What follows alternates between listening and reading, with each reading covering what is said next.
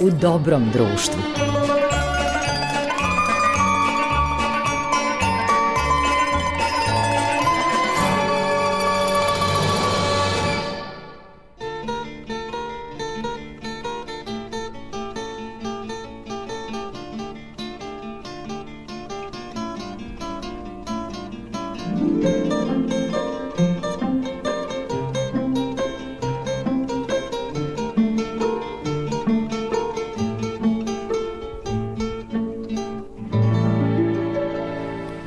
Imam zaista veliki blagoslov i veliku čast da sa ocem Rafailom razgovaram u manastiru Hilandar, a otac je ovde i, i gosti domaći već decenijama.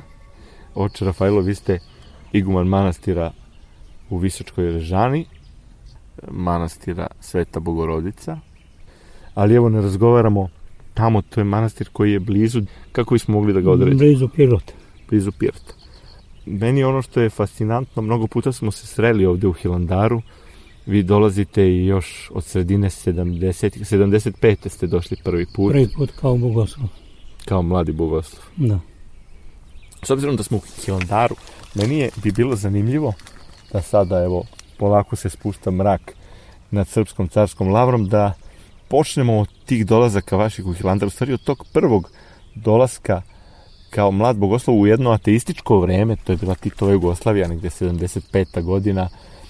Izuzetno teško vreme je bilo doći i mnogo je trebalo se založiti da bi ustvario ti svoj dolazak kroz papirologiju i kroz to da može da izađeš negde na polju i da dođeš znači, u jednu svetinju da posetiš jer ipak su ovo koreni naši i to je jedan univerzitet srpskog naroda, gde je sabrano svo bogatstvo vekovno i tradicije koja je još od vreme naše, znači, kraljeva stvarana, skupljena do današnjih dana.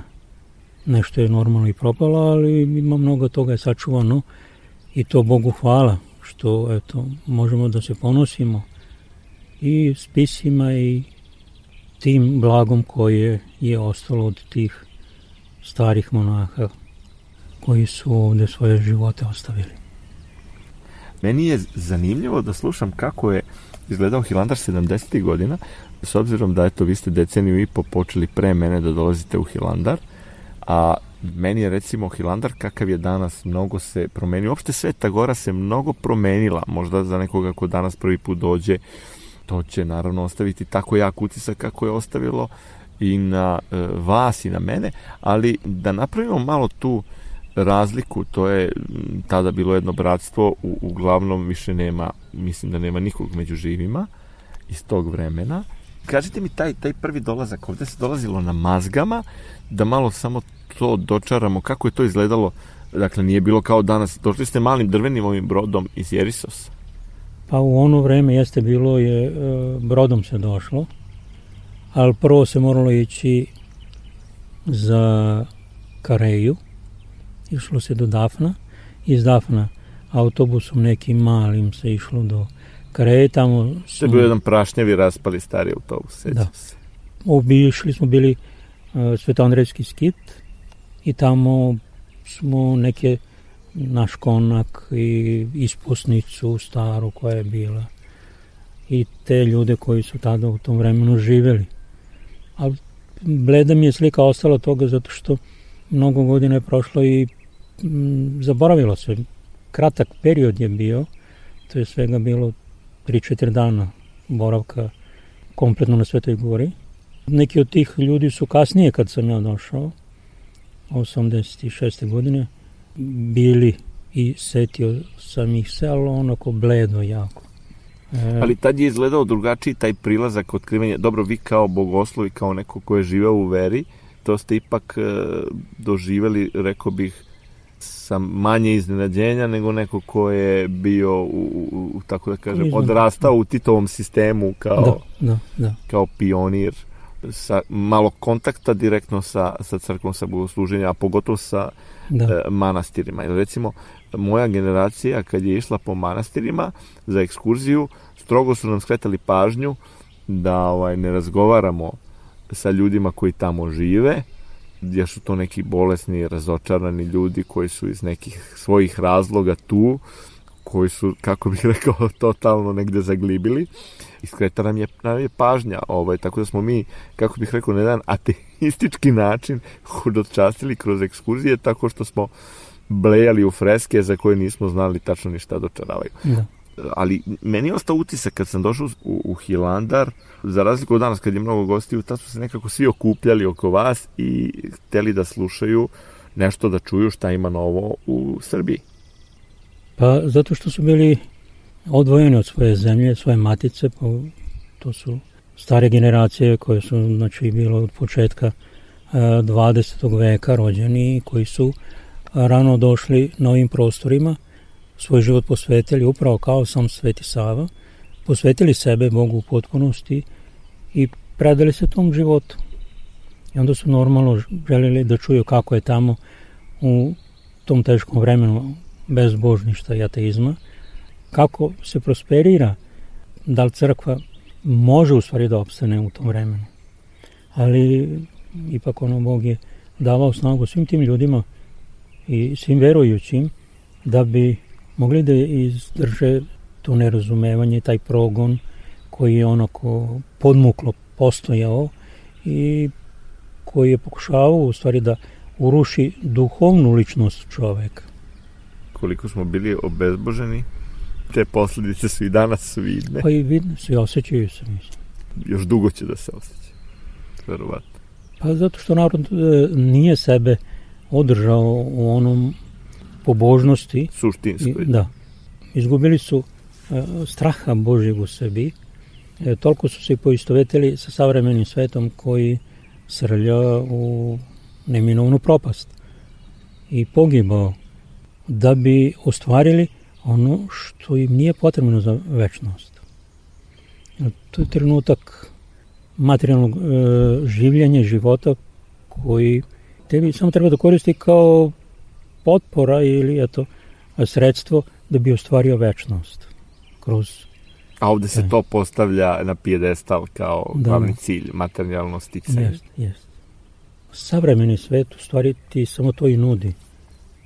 Tu prolaznost i tu propadljivost.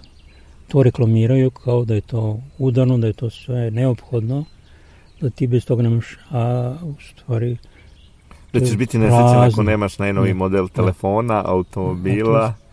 isprazno je, prazno je. Ne osjećaš ti nikakvu po noću niti radost upravo i ako to budeš imao, a to ti su jedno sredstvo koje je trenutno tebi dostupno i posle toga mu prolazi vrednost, nema nikakve trajne vrednosti u njemu da bi mi zavredilo u stvari da bude posvećeno ili podloženo sve samo tome.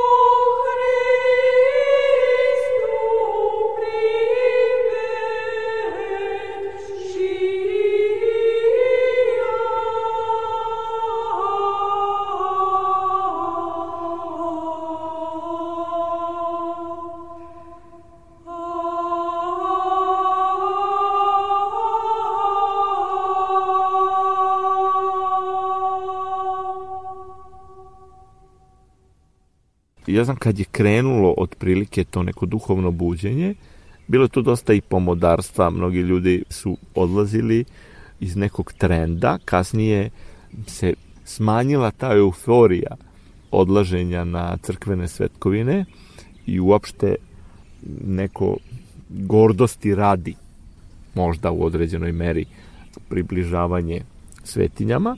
A kako vi vidite otprilike onaj period od 90. godina do danas e, što se tiče našeg duhovnog stanja? Pa mislim da to samo trenutno u toj navodnoj slobodi koja je data čoveku da se pojavio trenutak njegove kao predanosti Bogu i pokušaj da se vrati. Ali e, nije bilo istinski iskreno kod kompletnog naroda, samo kod pojedinaca. I ti ljudi su onako duhovno uznapredovali u svom bogotraženju i bogoživljenju, dok su ovi drugi se jednostavno ponovo predali onoj drugoj zbog propagande i prolaznih tih reklama koje te samo huškaju na nešto da ti treba ovo, da ti treba... Uh, da moraš da se zakitiš ne... malo i krstom i da, da. duhovnošću, da. da. Upravo nepotrebne stvari ti trebaju. Da. Ali istinski narod se nije povratio. Počeo je da se budi, ali se ponovo vratio na stare staze i na uh, to da se lepše mu je ili lakše mu je onako da nema tu duhovnu borbu, opiranje, zato što ga mnogi neće razumeti i on ostaje u, na onom putu koji i ranije išao. To je neko malo blago interesovanje samo za veru, ponekad, ja bih više rekao da je to tradicionalno samo. Iz tradicije su Obnovljena je slava, da. dosta iz tradicije, da. da.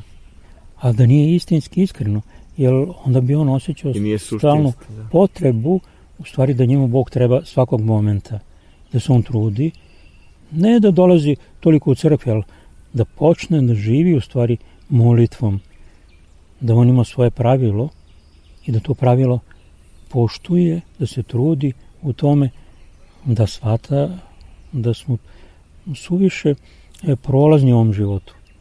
Danas me ima, sutra me nema. Bog je to pokušao i upravo da nam ukaže kroz boleštine koje se pojavile i koje nas za toliko imate danas, otkrije se da si bolestan i već te sutra nema, odnala te bolest, a ti se nisi istinski ni pokajao, niti si pristupio Bogu, Boga, niti da. prizvao onoga ko u stvari može da ti pomogne. Da. Ovde smo isto svedoci, čini mi se, evo, vi dolazite često, ja, Bogu hvala, isto vrlo često, da ima mnogo nepoznavanja, vidite da nije učinjen neki i ole trud da se nešto uradi na duhovnom putu, dakle nema tu nikakvog nekog odricanja, ali ljude nekako privlači svetinja, da li vide iz svoje neke e, muke i praznine, ovo što ste pominjali, koju stvara vezivanje za materijalno i bogaćenje, ne znam šta, ali zato osjećaju neku toplinu duhovnosti i pobožnosti, ali ne uđu u to. Pa neće život. sami da traže, da ispituju, da se interesuju. Jer ti ne možeš svugde pričati i nećete normalno ti ljudi kojima potrebno, nećete čuti svugde. Ko ima uši da čuje. Da. A potrebno je njemu, znači on sam da se interesuje. Ljudi dođu ovde, pre svega sa onakvim nahođenjem koje mu je u onom redovno spoljnom svetu i životu, mislim, polu onako ateističke nastrojenje. Jer on kao veruje u Boga, a veruje u Boga samo u stvari kad ga nešto, neka muka spopadne, onda počne polako da se prisjeća Boga i to je samo do tog momenta dok se to ne stabilizuje stanje ili dok on eventualno ne primi isto, lek, da, da. taj. Ne iščupa isto. To je ono što kažu, bez nevolje nema bogomolja. Da, da. Evo sad smo na teritoriji Grčke i sami Grci su iskusili jedno vreme lagodnog života, pa je naišla kriza, da. ne bili se malo vratili, dakle s Božjim dopuštenjem, ne bili se malo vratili, da. jer su inače narod koji zaista nikad veru nije napuštao. Da.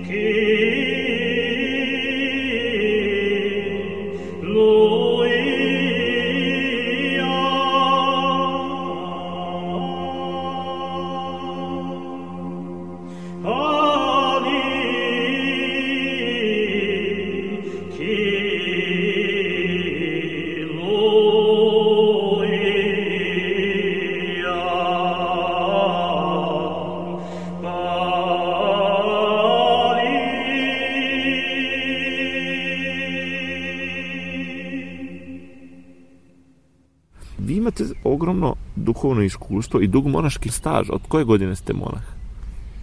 Od 85. godine. 1985. Dakle, da, dakle već deset godina posle prvog odlaska u, u Hilandar. Da. Gde ste sve bili ovaj, gde ste zamonašeni? Pošto sam klirik bio Banatske eparhije, tamo sam i zamonašen. Zamonašio mi je tadašnji episkop, tadašnji mitropolit, Amfilohije, koji je stalovao na našoj u našoj eparhiji. Da bio je do vreme banatski e, episkop. Da. Jer ja sam bio 88. E, došao u Hilandar i kad sam se 91. vratio. Ovde ste boravili, da, bili ste i da. sabrat manastira Hilandar. Da, da. Kako su vaše iskustva kao sabrat? Znači, vi ste, vratili ste se 91. Da, ja sam prvi put došao ovde 90. Mi se tada nismo upoznali, ali zakačio sam vaš period ovde. Bio sam u poslušanjima koje sam išao svešteno služitelj i išao sam do Vinograda, tamo pomagao starcu Simeonu. Bio sam Koji je kasnije bio u, u posnici Svetog Save. Da, da. Bio sam ovaj, prosvorar i... Pripremili ste prosvoru da. za crkvu. I eventualno ako je nešto trebalo. Bio sam u biblioteci, radio kao bibliotekar i taj koji je e, gostima kada dođu, znači u Riznici pokazivao, govorio malo o istoriju Hilandara i tako upućivao ih osnovne istorijske podatke o manastiru i o bratstvu i tako onda ste, pretpostavljam, po poslušanju napustili manastir Hilandar i Svetu Goru i vrlo brzo ste se našli na, na Kosovu. Pa, krenuo sam za svojim duhovnikom. Metohiji, da. da. E, koji je tada bio episkop Praško-Prizranski, bio sam otišao u Mušutišt, u stvari prvo sam u eparhiju, pa me on poslao da idem u manastir Svete Trojice u Mušutištu.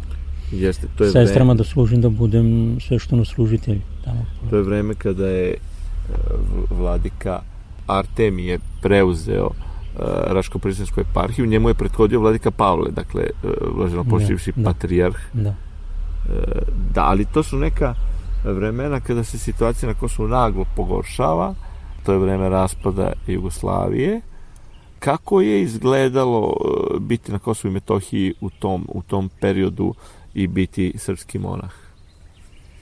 E, jedna stvar, vlast je bila e, srpska koja je delom unosila tamo malo strah i nemir među šiptare ovako oni sami kao narod koji je onako bez straha nasilje sprovodio jer to im je vekovna već taktika da bi dobili i da bi osvajali prostore. Teritoriju. Da. da. E, em što ih onako drže se zakona i rađaju se, imaju znači mnogodetni su. Množe se, da. E, oni su samo ljudstvom u stvari osvojili te prostore, a i nasiljem, zato što su maltretirali, progonili e, eventualno u prostore koji su manastirski, oni su utarivali stoku, gledali su da čini neku štetu.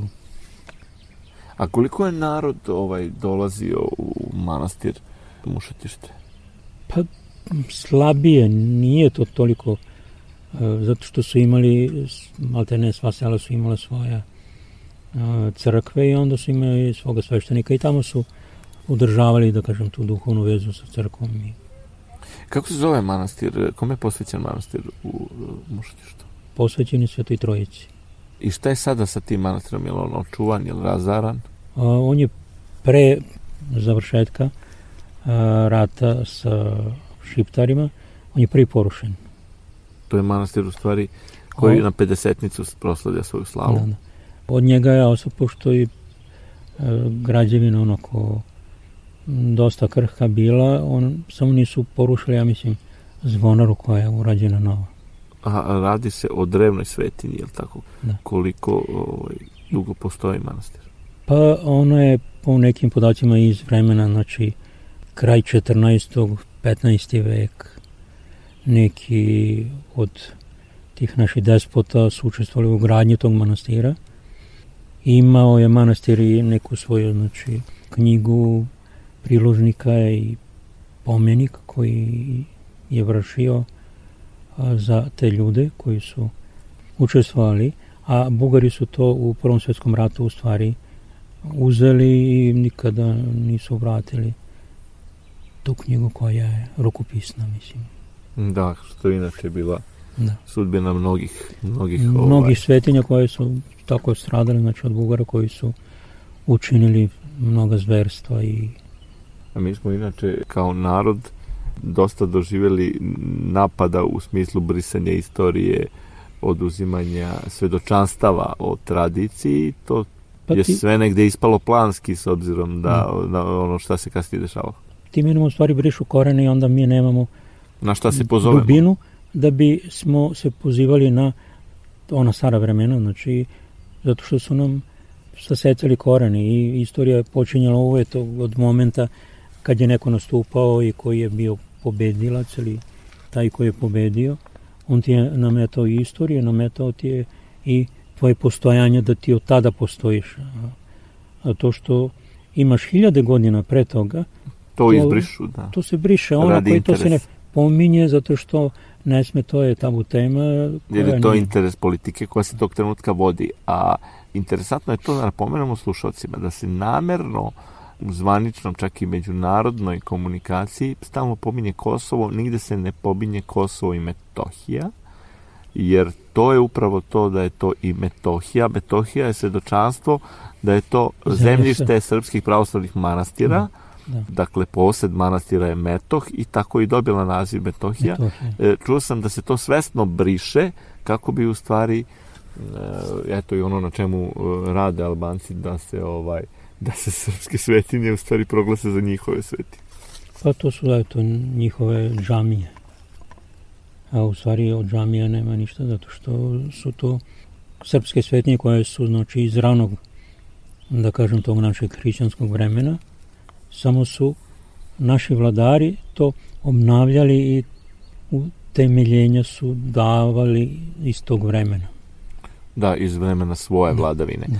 Ali eto recimo da podsjetimo isto slušalce da je Sinan Pašina džamija u Prizrenu sagrađena od, da je prethodilo rušenje manastira Sveti Arhangeli Da. i da su Sveti Arhangeli u stvari taj građevinski materijal je Sinan Paša iskoristio da sagradi svoju džamiju u centru Prizrena. Da.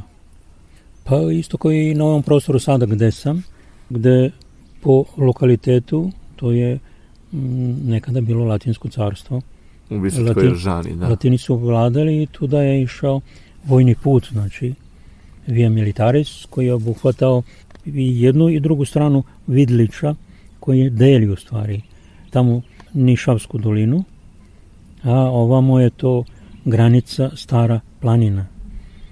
I mi imamo iskupine znači iz trećeg veka, to je vodovod koji je postojao na tom prostoru od onog izvora koji mi danas koristimo, da u stvari kada su radili drenažu oko crkve se utvrdi da dole ima još dva temelja koji su najverovatnije znači iz tog ravnog hrišćanskog perioda. I da su naše korene znači tu uvek postojali samo što migracijama ili bolestima ili e, nailaskom drugih naroda se dešavalo da se naši pomere, ali oni su uvek pomerili na svojim prostorima. Da. Mi nismo došli u sedmom veku. Mi smo na tim prostorima postojali i u vreme apostola, znači i nama su apostoli tom narodu koji je bio pod latinskom vlasti, jer to je pokazatelj jezik, znači, zato što mnogo latinskog jezika ima u rečima koje su u srpskom narodu. A to nije moglo, ako smo mi u sedmom veku došli, latinski jezik onda nikako nije mogao da zaživi, niti je mogao da se prihvati na korenu našeg srpskog jezika. Tako je. I da imamo uh, mi latinske reči u srpskom jeziku. Možemo da imamo druge, grčki, možemo da imamo kasnije, znači, možda germanski ili turski, ali ne, ne bi imala osnova da bude, znači, da mi imamo latinskog jezika.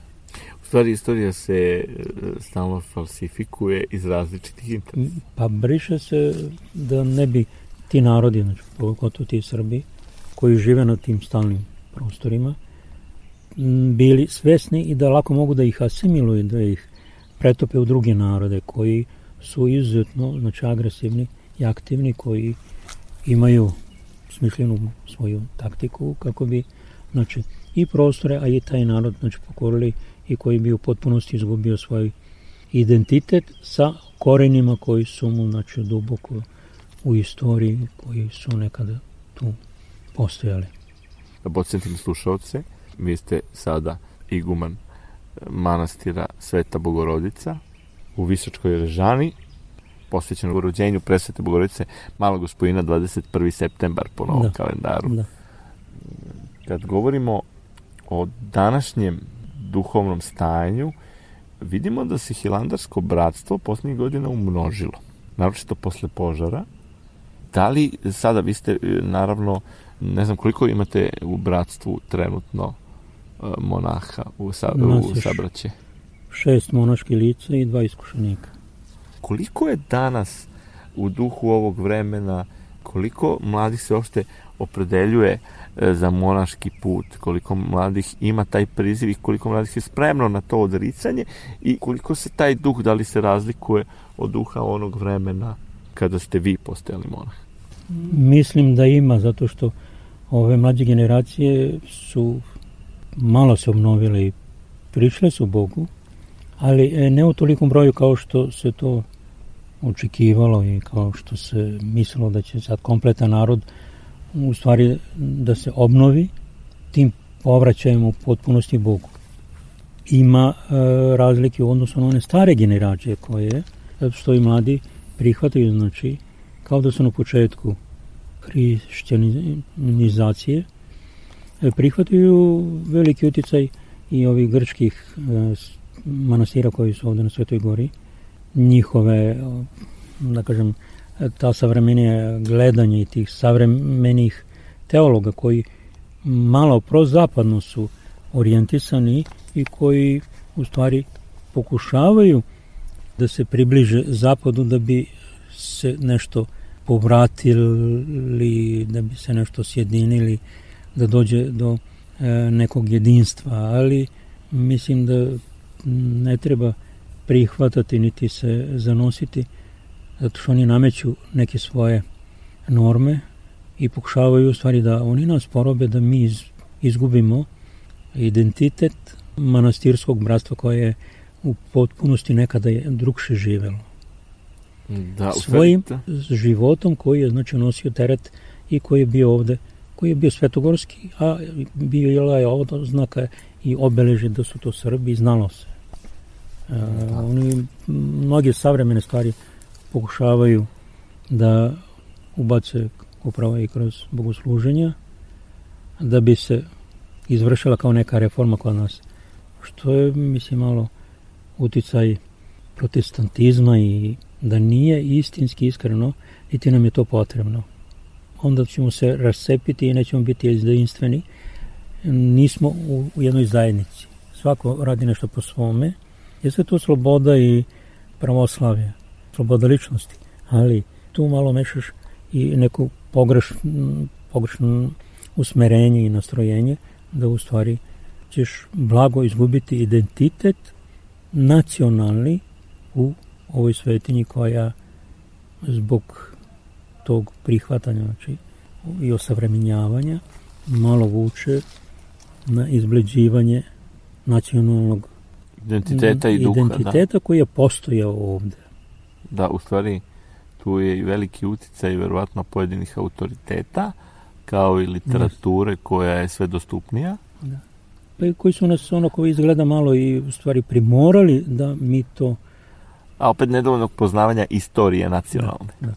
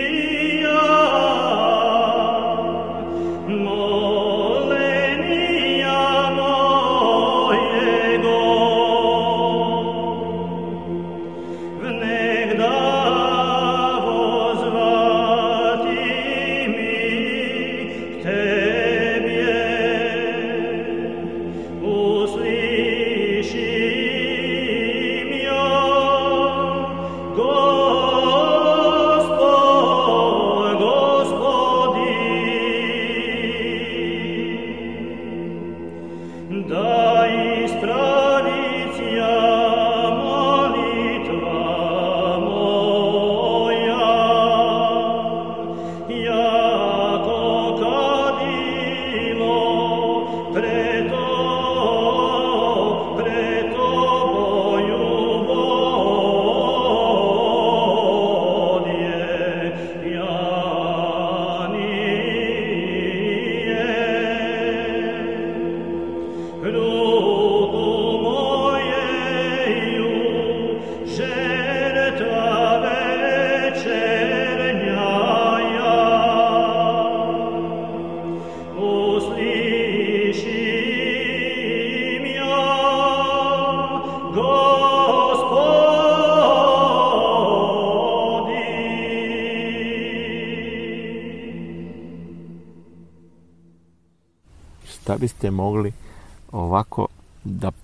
poručite verujućem narodu u ova smutna vremena? Jer mislim da su ljudi prilično trenutno zbunjeni svime što se dešava i nekako je teško sebe usmeriti da se na pravi način percipira i da čovjek ostane duhovno trezven kada vidi da se bukvalno neke stvari sunovraćuju, ruše, da padaju neke zablude, padaju i neke maske, ali čini mi se da je narod malo zbunjen i sluđen i verujući narod onim što u najnovija vremena doživljava. Mislim na sve ono što se dešava sa pravoslavnim svetom. Recimo.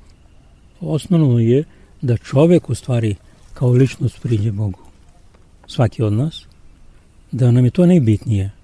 Jer time ćemo biti svesni da li ćemo stvariti svoj večni život ili nećemo. Život je kratak da bismo se mogli igrati i da svaki dan koji nam Bog daje, u stvari propuštamo onako, koji proleti na bespotrebne stvari koje nam uopšte neće, možda će nam čak što više biti kao opterećenje za opravdanje pred samim tvorcem zašto se nismo trudili više, zašto se više nismo kajali Zašto sebe znači nismo držali u tom strahu Božijem da bismo uspjeli da se mi što više obožimo kroz ove momente, jer idu sve gori i gori trenuci kad će se, kao što i sam gospodin rekao, a kad dođem u zadnje vreme hoću li naći jednog istinski e, verujućeg, oni će da veruju, ali to istina je samo jedna, istina je Bog.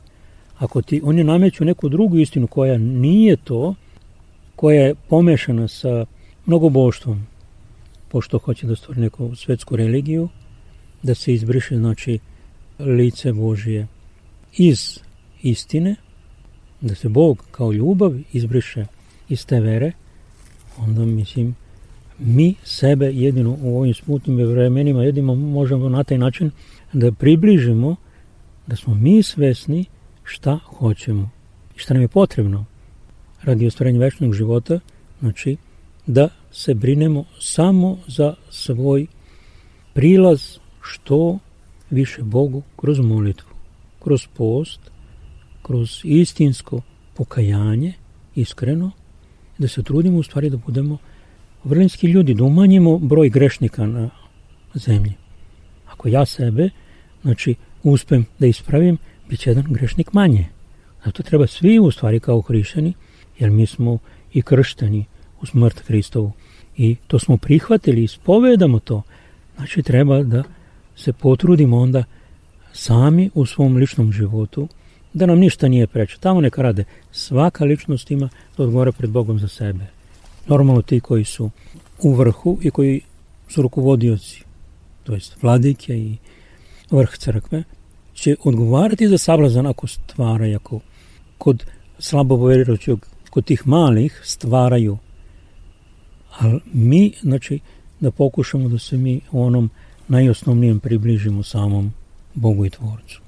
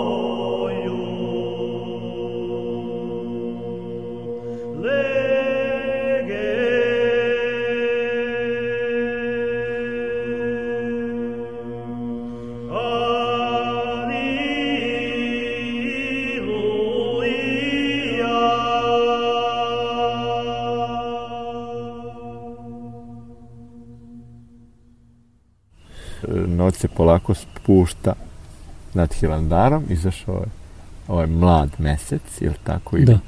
Posebno mi je drago što smo u ovoj atmosferi vodili ovaj razgovor, tako da će da dopre, verujem, i blagoslov do slušalaca iz osmovekovne srpske carske lavre na Svetoj gori, a isto bi sigurno bilo lepo da smo tako govorili u vašem manastiru posvećenom rođenju presvete Bogorodice, manastiru Sveta Bogorodica, koji, Da. eto, da, da za kraj kažemo, ljudi koji žele mogu da i obiđu u svetinju ako idu prema Pirotu, prema Bugarskoj, nije, Da. nije to tako daleko, ni od Niša, postoji ovaj novi autoput kroz Sićevačku klisuru, da im samo objasnimo kako, kako da stignu do ove svetinje. Treba se isključiti na prvo isključenje koje je od Niša za Pirot, to je za Pirot zapad, ući u grad i tu pitati gde je planinarski dom i krenuti tim putem ili Iz Pirota, znači prema Iz- planinarskom iz domu. Pirota ići za sela koje su Dojkinci, Brlog, Visočka Ržana i onda se tu stiže tim putem.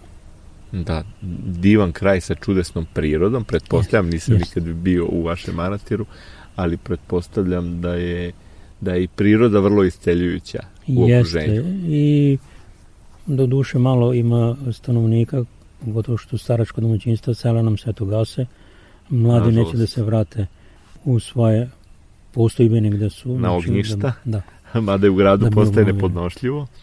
U A ovde bi imali slobodu, imali bi čist prostor, dobar vazduh, zdravu okolinu i lepu okolinu.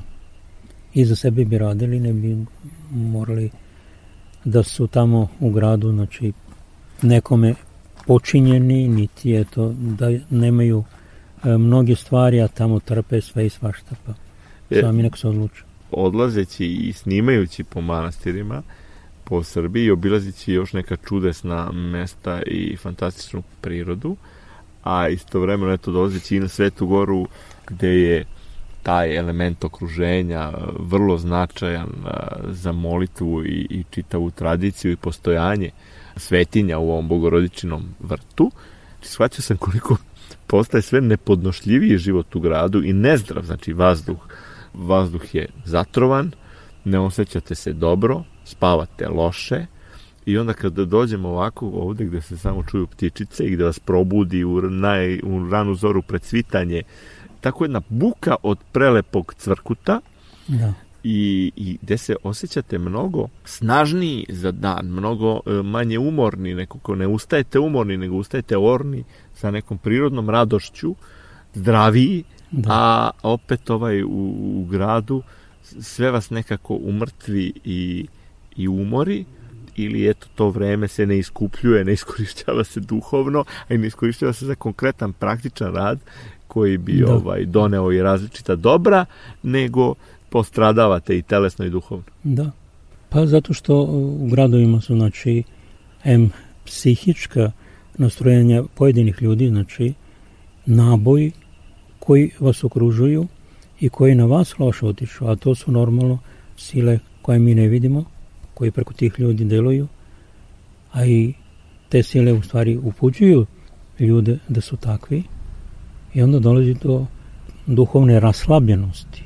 A ovo su čisti prostori, znači gde prvenstveno su posvećeni znači, ljudi molitvi, predaju se Bogu, trude se da svako od tih ličnosti, tih monaha, znači ostvari tu svoju duhovnu vezu sa svojim tvorcem kako bi se vratio i kako bi se pripremio za taj večni život koji mu je potreban, jer ovde smo trenutno u toj pripremi, a sad kako tu pripremu i kako to vreme koristimo, to je već pitanje samih nas, znači da li se trudimo ili ne, ili eto prepuštamo to slučaju, da li ćemo biti odbačeni od tvorca i od Boga, zato što se sami nismo potrudili da ostvarimo, da ostvarimo stvari svoju e, budućnost ili svoju večnost kroz ono što nam Bog daje ovog momenta u, ovde na zemlji. Da, u gradove se ide i sela se napuštaju uz opravdanje da grad pruža naravno veće mogućnosti, ali opet s druge strane u gradu se nekako lakše čini se Propada. sve gubi i propada, a na selu se zadobija, a opet dao je Bog mnogo plodne zemlje i mnogo toga može da se postigne i razlog za odlazak u gradove je i sueta ovoga sveta i taj ego koji mora u stvari svakog dana, kako kažu svetogorci, da se, da se zdrobi, jer je uzrok stradanja i svakog zla među ljudima. Da. Hvala vam, uh, oče Rafailo, srca. Mogu, hvala za sve.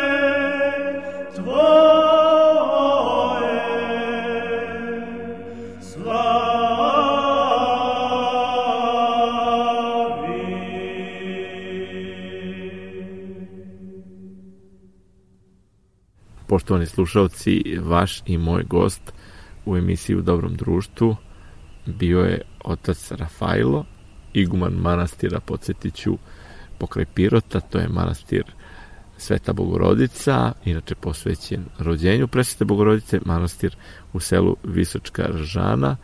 Ako ste u prilici, posjetite ovu svetinju. Vama, oče, mnogo hvala i dobro zdravlje vam želim i kako bih rekao da istrajete u, u monaškom podvigu. Bilo mi je zadovoljstvo a verujem i slušalcima i da je ovo ovaj razgovor bio veoma poučan. Do novog susreta ili u, u vašem manastiru ili evo ovde u Hilandaru. Bog srdečan pozdrav i, i vama i slušalcima. Ovu emisiju je tonski obličila Marica Jung a vaš domaćin e, i urednik emisije bio je Goran Vukčević. Do slušanja, prijatno.